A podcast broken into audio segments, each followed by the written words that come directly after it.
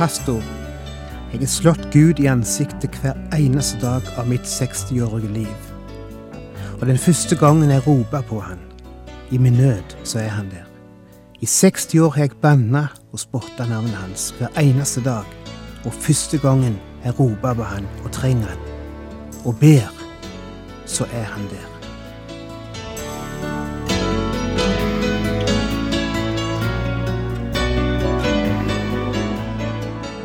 Hjertelig velkommen til et nytt program i serien Vindu mot livet. Vindu mot livet er basert på programserien Insight for Living ved Chuck Svindal. Programmet er produsert av Kristen Riksradio og blir ledet av Ola Bjoland.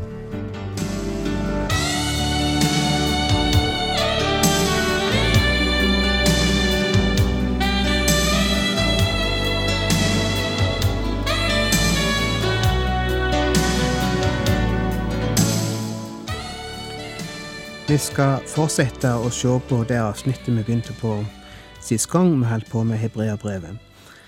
Ifra slutten av kapittel 4 i Hebreabrevet, vers 14 til 16. Da vi nå har en stor øverste prest som har gått gjennom himlene, Jesus, Guds sønn, så la oss holde fast ved bekjennelsen. For vi har ikke en øverste prest som ikke kan ha medlidenhet med oss i vår svakhet, men en som er prøvd i alt på samme måte som vi, men uten synd. La oss derfor med frimodighet tre fram for nådens trone, så vi kan få miskunn og finne nåde som gir hjelp i rette tid. Av og til kjenner vi det sterkere enn andre ganger, hvordan vi trenger enn å be til enn å komme til, enn å snakke med, en som forstår, en som kan gjøre noe med det vi sliter med. Alt dette som sies om Han som er vår øverste prest. Han er den som sitter imellom oss og Gud, og vi skal få komme til Han med alt.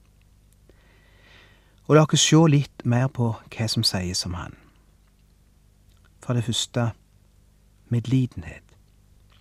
En som har medlidenhet. Sympati er visst ordet som er brukt på den greske grunntekst, hvis jeg ikke husker feil. Jeg har ikke grunnteksten foran meg akkurat nå, men jeg mener å huske at det er det ordet som er brukt. Og det består av to ord. Patetisk og sum.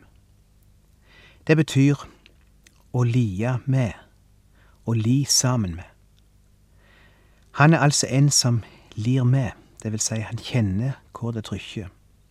Du trenger ikke forklare han det, han vet det. Han kjenner hvor skoen trykker. Han kjenner hvor det smerter. Det var en liten tegnefilm som gikk på amerikansk TV. En figur som heter Little Abner. En liten fyr som gikk rundt med ei klubbe i hånda som han gikk rundt og slo folk i hodet med. Der var endatil en spiker i denne klubba, en kvass spiker som stakk ut, og da kan du tenke deg hvordan det var å få den klubba i hodet. Og han gikk rundt og lette etter folk som han kunne slå i hodet. Og det har nok vært tider da jeg har tenkt, det er Gud. Gå rundt og ser etter folk som han kan slå i hodet med klubba sitter og skuer ned ifra himmelen om han kan få øye på noen mennesker. Der er der en. Slå til han. Er det ikke et slikt bilde noen har av Gud? Akkurat som gutten som satt på verandaen i femte eller sjette etasje i Chicago og skua ned på hagen vår, satt og venta på at det skulle komme noen barn ut i hagen som han kunne sikte på med tomflasken han hadde lagra ved sida av seg og så snart han så noen, slengte han ei tomflaske gjennom lufta, som en gang så vidt unngikk å treffe hodet på en av guttene våre. Jeg sto i vinduet og betrakta det hele. Der er vi en, og så sendte han flaska gjennom lufta. Og den kunne ha drept en liten gutt om den hadde truffet. Jeg tror noen mennesker har et slikt bilde av Gud. De føler de er ikke venner med Gud for de ikke oppfører seg slik som han vil. Han sitter der og venter på en anledning til å sende noe i hodet ditt. Du finner ikke noe slikt her, iallfall i de versene vi holder på med nå. Du finner noe helt annet. Ennå du som ikke har vært slik du skal. Han sitter ikke og venter på å få slå deg i hodet når du kommer. Han sitter og venter på å få vise deg sympati, som det står, medfølelse. En overprest som lir med dine svakheter, står det.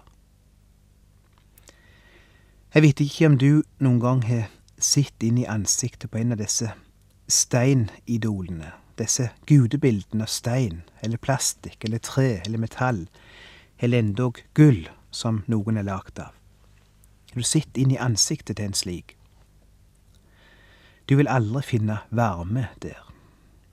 Du vil aldri finne dette som står her, forståelse, medfølelse, medlidenhet.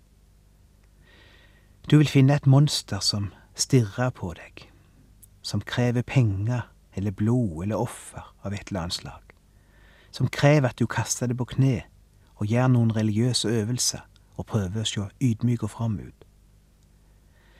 Og dette bildet er det mange har plassert på Gud, og vi har gått og frykta Han lenge nok. Men himmelens Gud er nådens Gud. Han er en som forstår. Han er en Gud som kjem når vi roper på Han, fordi Jesus har betalt det som alle disse gudebildene krever av oss. Jesus har betalt det. Gud forlanger ikke mer av oss. Ikke annet enn at vi skal ta imot dette, ta imot Han. Gud tømte sin vrede på Jesus. Han forlanger ikke noen flere offer. Disse kalde, harde, lunefulle steinansiktene, eller treansiktene, eller gullansiktene, som vi ser iallfall i disse templene rundt om i verden, de er ikke Gud.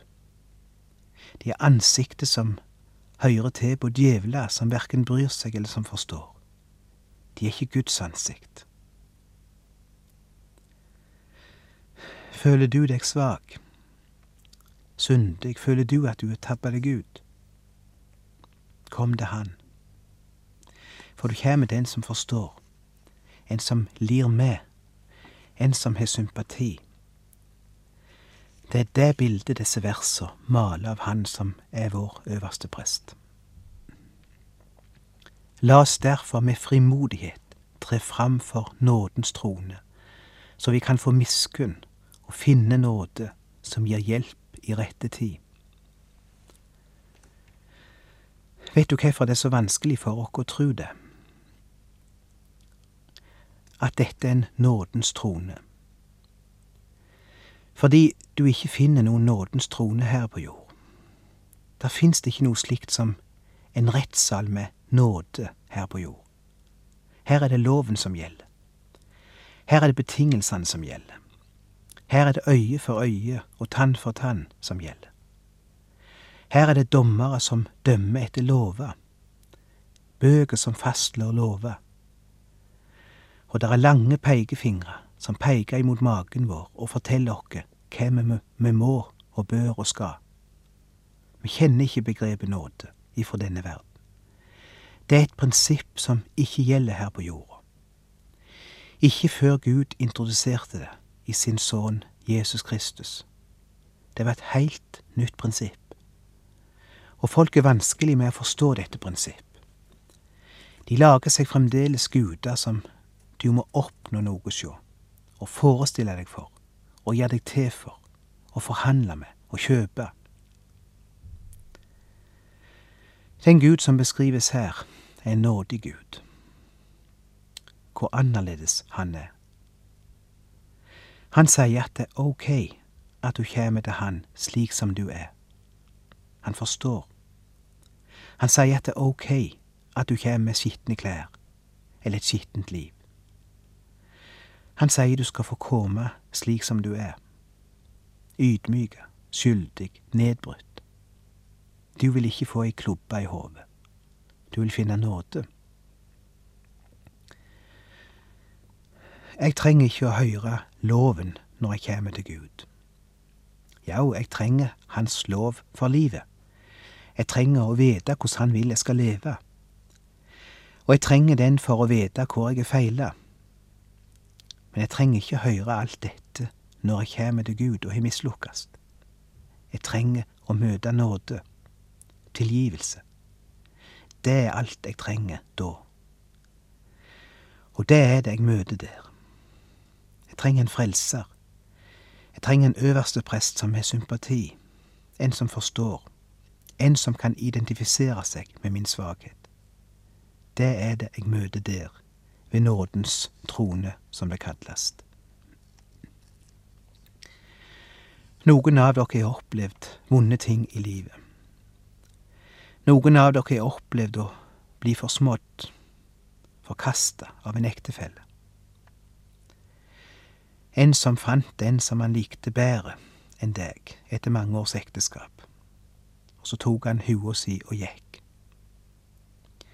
Hvis du har gjennomgått noe slikt, hvis du har gjennomgått en skilsmisse som du ikke yngste, og som ikke var nødvendig, kanskje, da vet du hvordan andre har det som opplever det samme, ikke sant? Ingen i hele nabolaget vil forstå et slikt menneske og en slik skjebne som deg som sjøl har gjennomgått det og kjent det på kroppen. Du lir med den som opplever det, fordi du har prøvd det. Eller de som har mista et barn, kanskje. Ingen forstår bedre enn deg når noen andre opplever det samme. Du er den eneste som virkelig kan forstå. Vet du hva som gjør at Jesus er slik, en slik som forstår? Fordi han er prøvd i alt, som det står her. Prøvd i alt på samme måte som vi. Det står ikke at han har gjort alt det du har gjort, for han er uten synd, men det står at han er prøvd den lidelse du opplever, kjent smerten. Han vet hvordan du har det. Hør hva som står i kapittel 7 fra vers 23.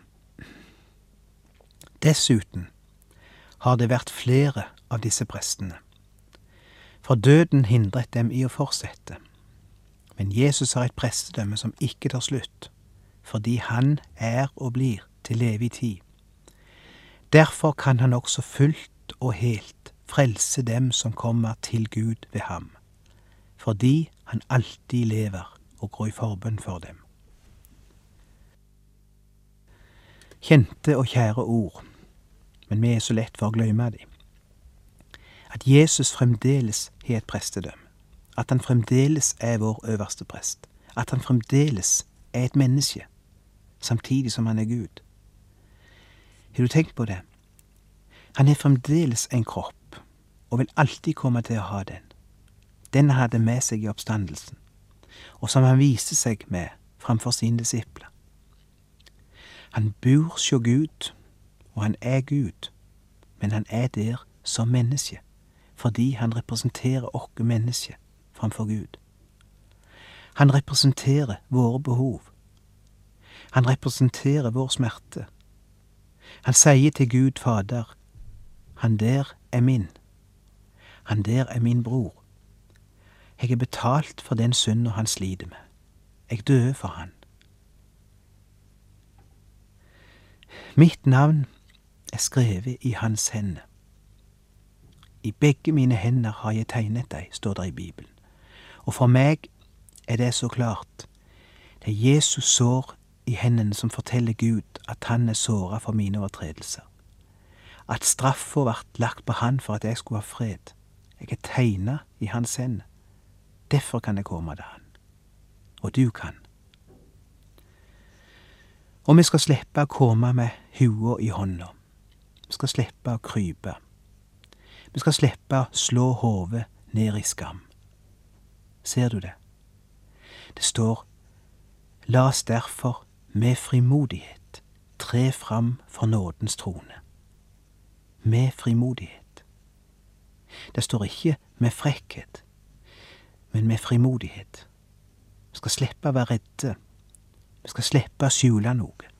Vi skal slippe å tigge om audiens. Vi har fått rett til å komme. Og vi skal finne nåde som gir hjelp i rette tid, står det. Akkurat når du trenger han, er han der. Akkurat når du trenger hans hjelp, er den der. Vi trenger et offer. Du som har rota livet ditt til, forspilt sjansene dine, krenka Gud. Du trenger å gjøre opp for deg, ikke sant?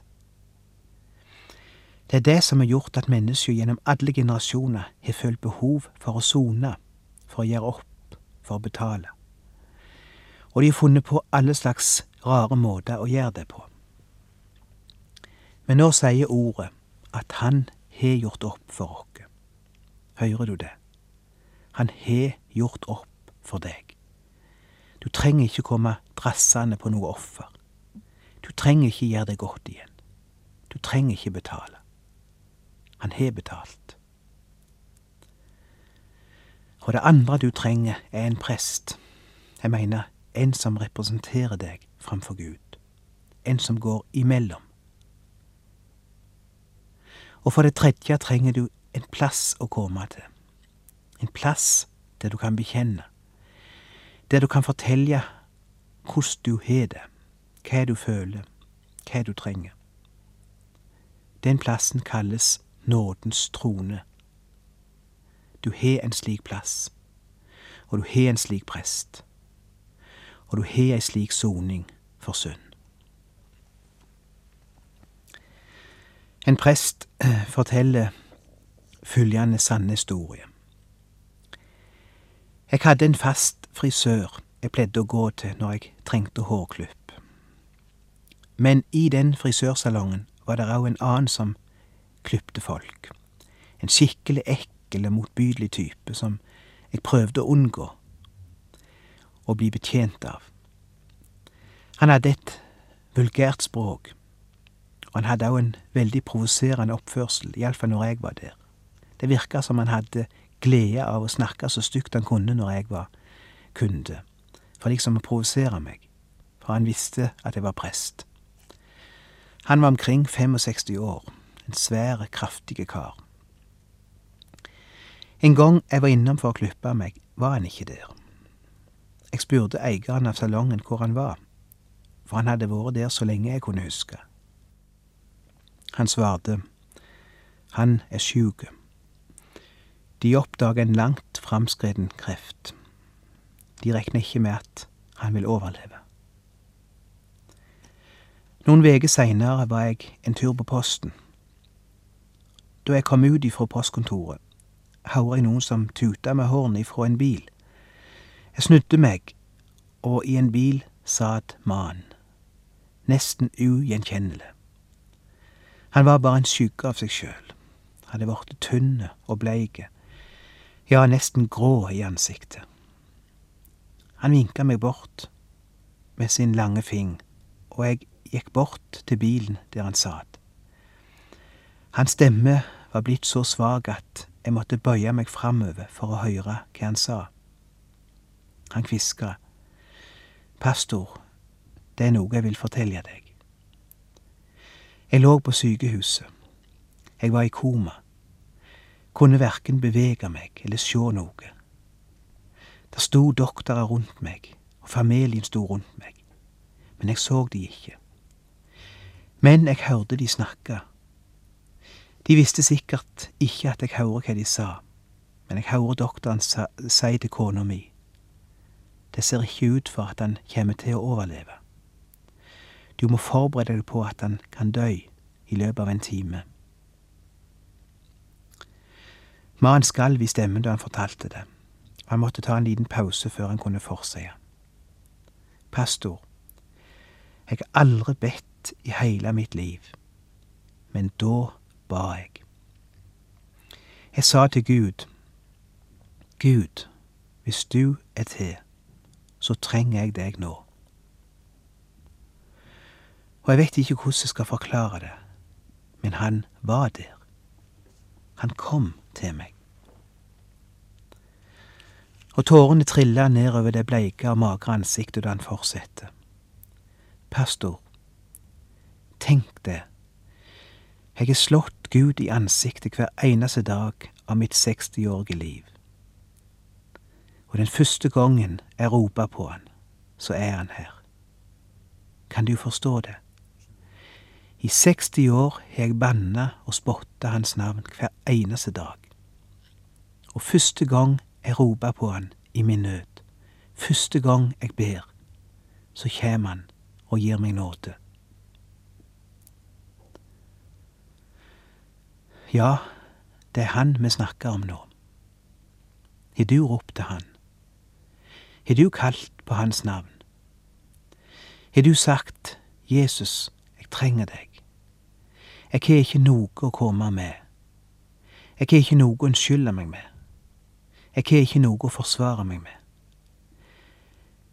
Jeg har bare ikke vært den jeg skulle vært. Jeg har ikke levd det livet jeg skulle ha levd. Men jeg kommer akkurat slik jeg er. Vil du ta imot meg? Og om du ville tre fram for nådens trone i dag. Han sitter og venter. Ikke med ei klubbe i hånda, men med nåde. Om du ville rope på han. Han vil høre. Han vil komme. Han vil ta livet ditt slik som det er, og forandre det, gjøre det nytt. Han må ta de skyld bort ifra deg. Bare fjerne den. Ikke et minutt lenger skal du behøve å bære på den. Du er båret på den lenge nok, er du ikke det? Den er øyelagt nok av livet ditt. Det er på tide å legge den av nå. Ved nådens trone. Der skal du få legge den. Fordi der er den sona